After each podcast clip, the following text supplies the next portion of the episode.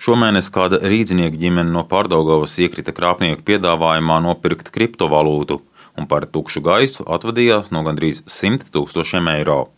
Kāda jūrmalniece noticēja, ka pa tālruni runā ar bankas darbinieku un pazaudēja vairāk nekā 45 tūkstošus eiro. Jelgavas novadā kāds atvadījies no gandrīz 11 tūkstošiem eiro, bet Dagopils iedzīvotāji šķīrusies no teju 10 tūkstošiem. Par vēl kādu gadījumu stāsta valsts policijas pārstāve Gita Gžibovska. Arī valsts policijas alūksnes iecirknī iesniedzēja ziņoja, ka viņa internetā bija ieraudzījis sludinājumu ar aicinājumu ieguldīt naudu biržā. Kopumā viņa tur bija ieskaitījis naudu 23 reizes, tādējādi zaudējot 14 tūkstošus eiro. Turklāt 1. jūlijā Sieviete mobilajā lietotnē WhatsApp bija saņēmusi zvanu no vīrieša, kurš piedāvājis palīdzēt atgūt zaudētos finanšu līdzekļus. Tādējādi iegūstot cietušās sievietes personas datus, kā arī internetbankas pieejas datus, uz viņas vārda tika paņemti ātrie kredīti par kopējo summu 215 eiro. Valsts policija atgādina, ka svešiniekiem nevajag uzticēt piekļuves datus savām finansēm, un tos neprasa arī īsti banku darbinieki. Tāpat nav ieteicams savos datoros instalēt nepazīstamu personu atsūtītas programmatūras vai ievadīt bankas kontu datus jauno sarunbiedru atsūtītās internetvietnēs. Savukārt, pirms investīciju veikšanas jāpārbauda, vai izvēlētais pakalpojums sniedzējs ir saņēmis Finanšu un Kapitāla tirgus komisijas licenci. Bankas Luminor krāpšanas novēršanas eksperts Andrijs Šmits brīdina, ka telefonu krāpnieki pēdējā laikā aktivizējušies ļoti strauji. Paņemam 20, 30 gadījumus dienā, un tā ir informācija, ko zinām tikai mēs, respektīvi tas cipars visticamāk ir vēl augstāks. Tas, kā šie krāpnieki darbojās, ir viņi zvana no dažādiem numuriem, viņi uzdodas par bankas vai citas finanšu institūcijas pārstāvjiem.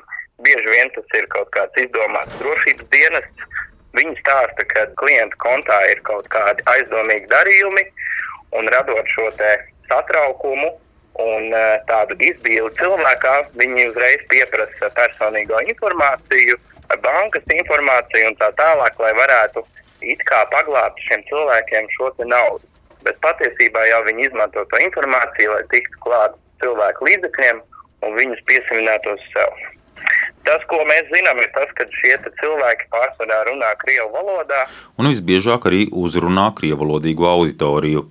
Pēdējā laikā daudziem zvanītājiem vērojams ukrāņu valodas akcents, tomēr retums nav arī latviešu runājoši krāpnieki.